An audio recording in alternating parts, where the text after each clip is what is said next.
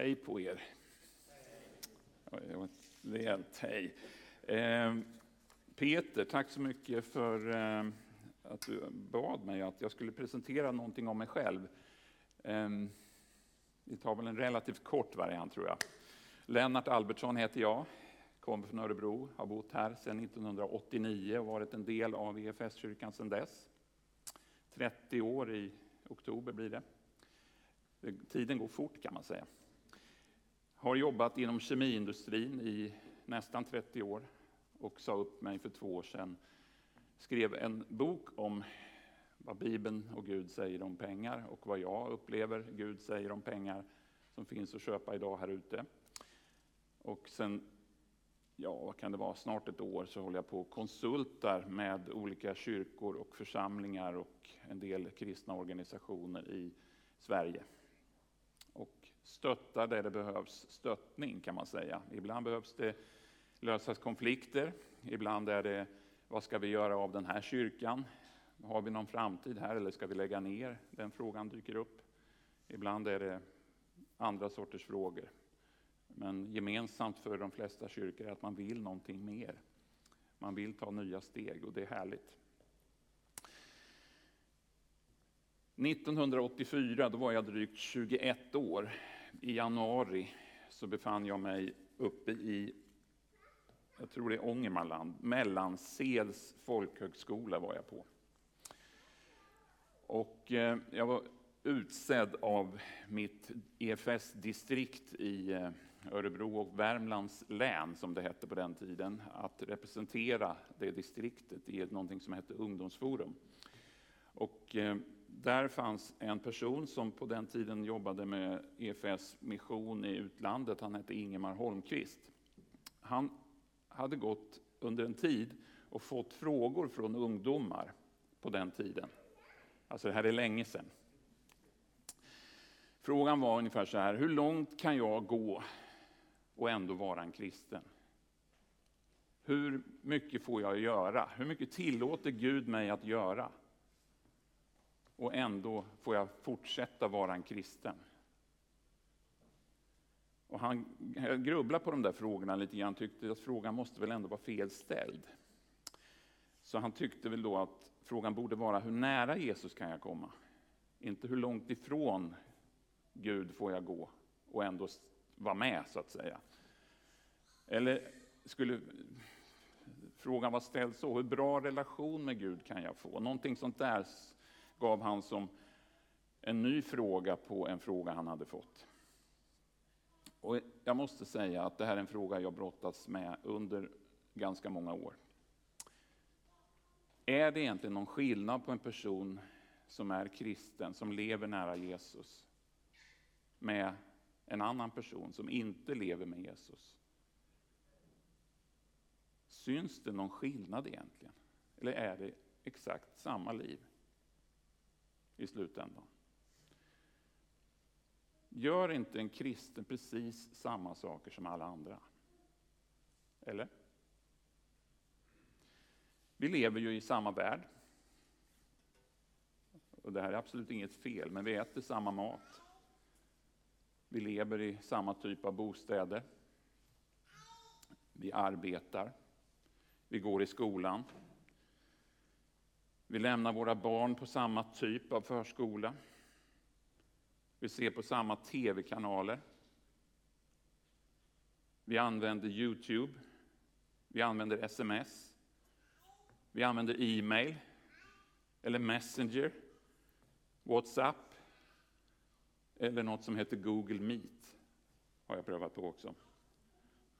Det är när man inte har Facebook så kan man ha möten på Google Meet, har jag lärt mig.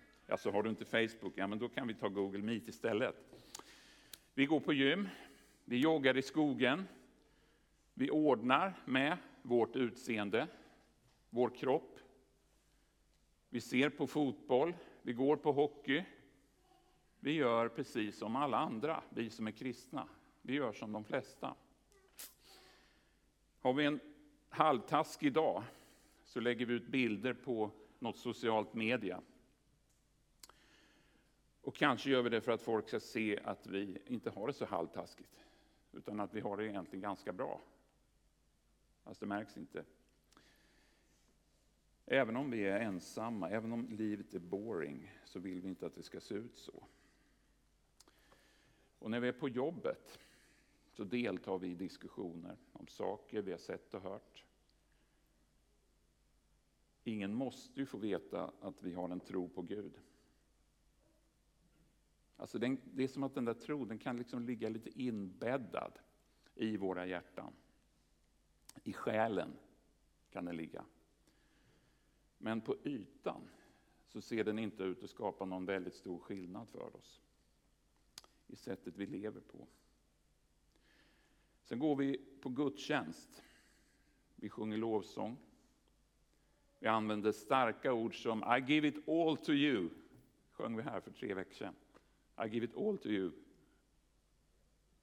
Yes. Det är enormt starkt att få sjunga det. Och i stunden känns det väldigt rätt.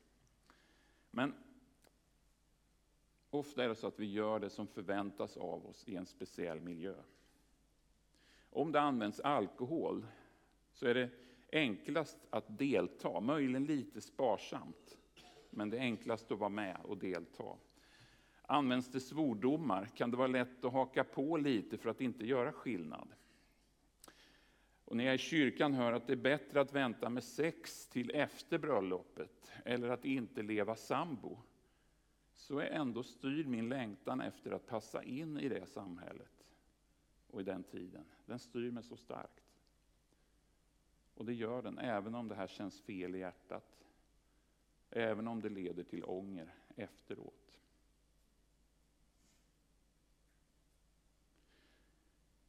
Och jag har också känt så här. Jag har ibland, eller ofta, anpassat mig till det som situationen verkar kräva. Det har känts enklast, minst ansträngande.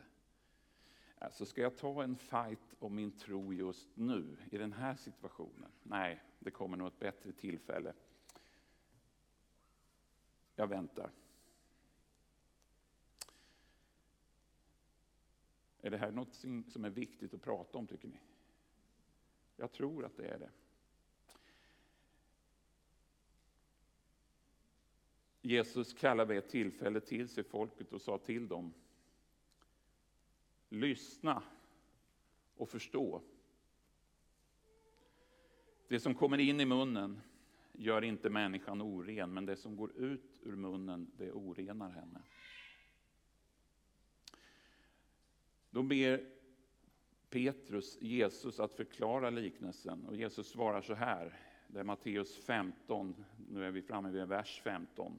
Jesus svarade, förstår ni inte att allt som kommer in i munnen går ner i magen och töms ut på avträdet? Men det som går ut ur munnen kommer från hjärtat och det gör människan oren. Ty från hjärtat kommer onda tankar, mord, äktenskapsbrott, otukt, stöld, falskt vittnesbörd och hädelser. Sådant orenar människan, men att äta utan att tvätta händerna gör inte människan oren. Det är mycket som kommer ut ur munnen. Det är mycket som sägs. Och även om det som sägs inte är direkt onda tankar så är det något som berättar om vilka vi är och hur vi vill att andra ska se oss. Vi vill gärna bygga en egen image, en bild som gör oss unika i den här världen, någonting som bara är vi. Och det passar in i en tid när budskapet om att pitcha sig själv är överallt.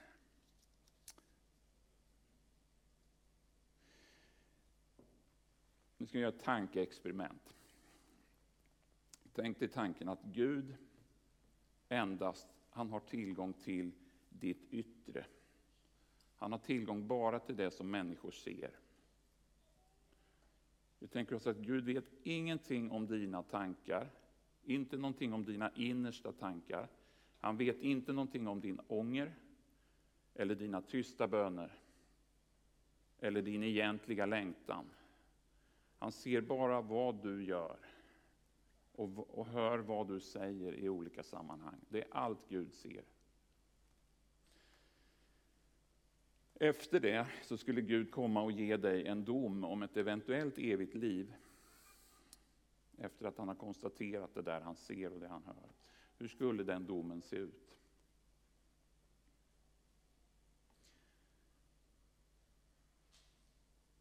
Jag går till mig själv och jag vet att med säkerhet skulle den domen inte vara särskilt nice.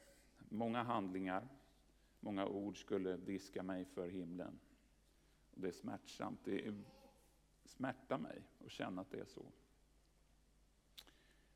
Det, det smärtar mig att Gud skulle behöva gå till någonting djupare inom mig för att kunna göra en annan bedömning av mig.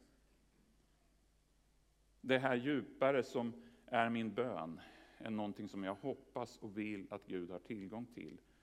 Att han ser hela mig och inte bara vad jag gör. Men det blir ändå svårt, för när vi läser texten som vi nyss läste så står det ty från hjärtat kommer onda tankar etc. Så hjälper det då att gå ännu djupare in i oss. Blir det liksom bättre ju längre in vi kommer?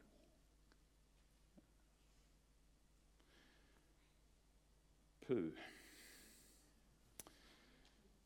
Och så pratar jag bara om mig själv hela tiden. Det är som att jag alltid är i centrum av hela tillvaron. Allting kretsar liksom runt mig. Det är nog så. Ja, vi går tillbaka till den stora frågan då i början. Vad är då skillnaden mellan att vara kristen och att inte vara det? Finns det någon skillnad egentligen, eller hur blir det här? Var landar vi? Jag tror att ett svar är vetskapen. Vetskapen om mina brister. Vetskapen om min synd. Vetskapen om min väg bort från Gud.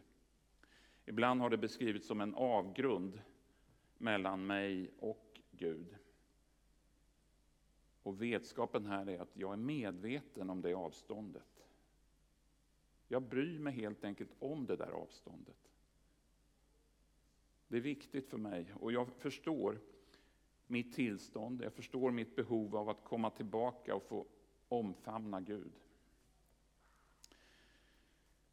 Och Det här är som en far som jag har lämnat för länge, länge sedan. Och som jag ser på långt håll. Och när han ser mig på långt håll så börjar han springa mot mig och tar upp mig som en liten treåring i famnen. Och det är som att allt det där som han hade sett, allt det där han hade hört, allt det där jag hade känt som inte var särskilt rent, det finns inte längre. Det är, det är borta.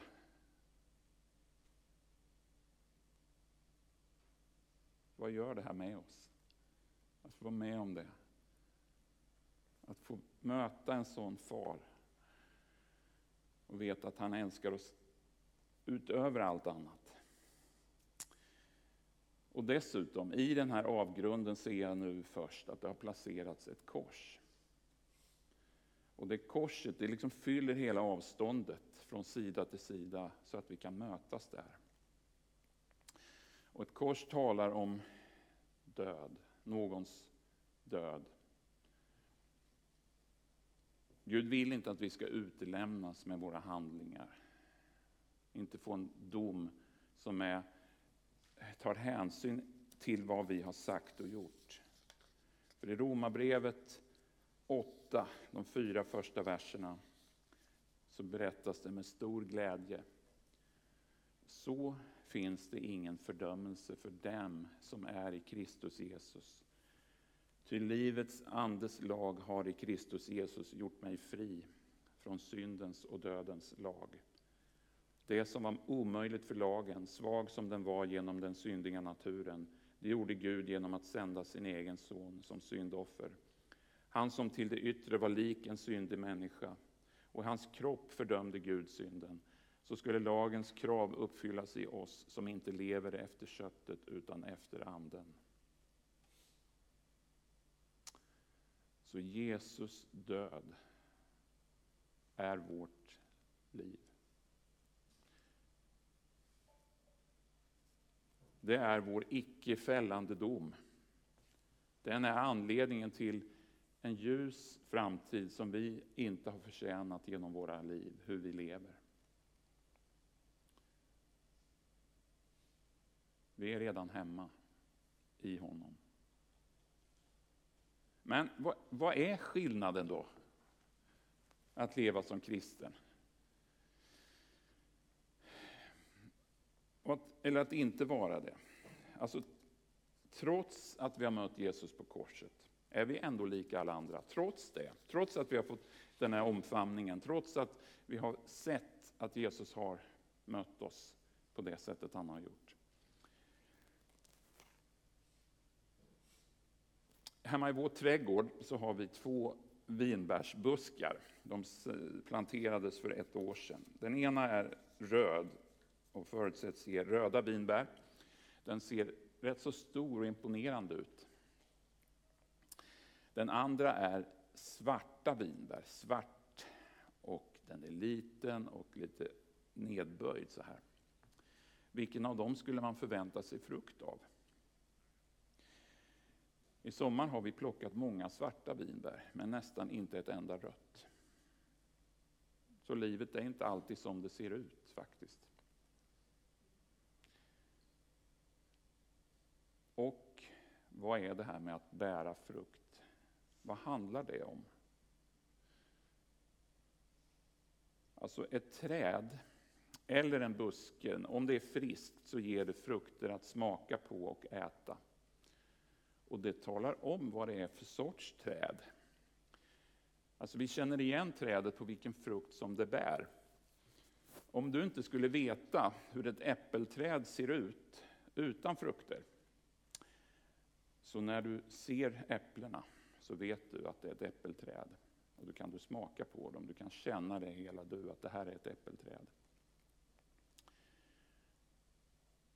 Och på samma sätt så känns den igen som har mött Jesus och mött hans förlåtelse. Det är någon som har smakat på hur det är att vara förödmjukad men också helt upprättad. Det är en person som har lätt att förlåta andra. Därför att det är en konsekvens och en frukt av mötet med honom som har tagit vårt straff. Om du vill få del av Jesus och det mötet så finns den möjligheten idag. Det kommer att erbjudas förbön efteråt här, efter predikan. Och där kan du berätta för någon om vad Gud talar till dig om. Du får göra vilken bekännelse du vill och det stannar precis där du säger det. Och låt det få vara någonting som Gud också får vara med och förändra genom förbön i ditt liv. Är det så att du känner det här, den här saken vill jag berätta, så berätta för någon annan person som du har förtroende för vad du har varit med om. Låt det inte bara stanna inom dig, utan dela dina upplevelser. Goda eller jobbiga. Ta hjälp av andra som kan leda dig på vägen tillsammans med Jesus. Paulus talar i Galaterbrevet 5, två verser, där det står om Andens frukt däremot är kärlek, glädje, frid, tålamod, vänlighet, godhet, trohet, mildhet och självbehärskning. Det här är frukter som naturligt växer ut från en kristen som lever i anden. Och det här är inget konstigt, utan det handlar om att tillhöra en kropp som heter Jesu Kristi kyrka. Där sker det här. Nyligen så predikade Karl Skarin om att den gamle Adam, han, han kan fortfarande, vad sa han, simma, sa han så? Han kan det. Och det vi alla känner av är en kamp mot djävulen. Och han är vår och han är Guds motståndare. Och ibland, eller ofta, lyckas han få oss på fall, känns det som. Men han rår aldrig på friheten som vi får genom Jesu död på korset. Han kommer aldrig kunna rå på den friheten som vi har tagit emot. Vi är så fria så vi fattar det inte. Hur otroligt stora möjligheterna är genom korset. Allt det där vi konstaterar när vi tittar på våra liv med bedrövelse är ju borta. I juridisk mening helt utplånat. Och Gud ger oss bara frihet. Och den onde kommer inte åt det. Han är maktlös mot korset. Det, det är helt otroligt. Och dessutom, att få vara en kristen, det är att få ta emot den helige Ande. Anden han inspirerar oss till nya tankar, till nya idéer. Kanske känner du inom dig när Anden jobbar, när du känner den här liksom tanken komma. Den där liksom, nu ska jag skänka 100 000 kronor till kyrkan-tanken. Liksom. Eller, nej, dåligt, det var ett dåligt exempel. Men när, när, nej. Och så dämpar man sig genast. Nej, det var nog fel, jag hörde nog fel. Och så. Men det kan komma olika tankar. Ta vara på dem. Det kan mycket väl vara så att anden jobbar. Just det där när vi kan förbise det där motståndet som vi annars kanske har. Motståndet mot att göra någonting som är emot tidsandan, men som känns rätt i hjärtat. Då utför vi handlingar som inte skapar ånger, som inte ger behov av tröst efteråt. Självömkan, nej, bort med det. Vi är helt fria. Anden, när anden råder så är det fritt. Det är, liksom, det är som ett stort fält. Sommaräng liksom. Kan du se något, tänka något friare? Den kräver liksom ingenting. Men den bara är där. Den får ge oss, trots, trots vilka vi är, så får vi den friheten. Förvandling. Nu ska jag till sist läsa från Lukas 21 om en person som bar frukt och som var just det här, fri.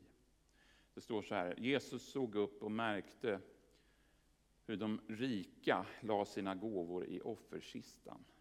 Men han såg också hur en fattig änka la ner två små kopparmynt. Då sa han, Amen säger jag er, denna fattiga änka gav mer än alla andra. Ty det var av sitt överflöd som alla andra la något i offerkistan, men hon offrade av sin fattigdom allt vad hon hade att leva på.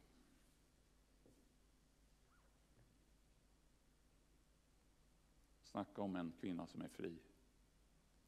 Som upplever total frihet. Jag är avundsjuk på henne. Och Det som är så speciellt med den här historien är att Jesus lägger märke till henne.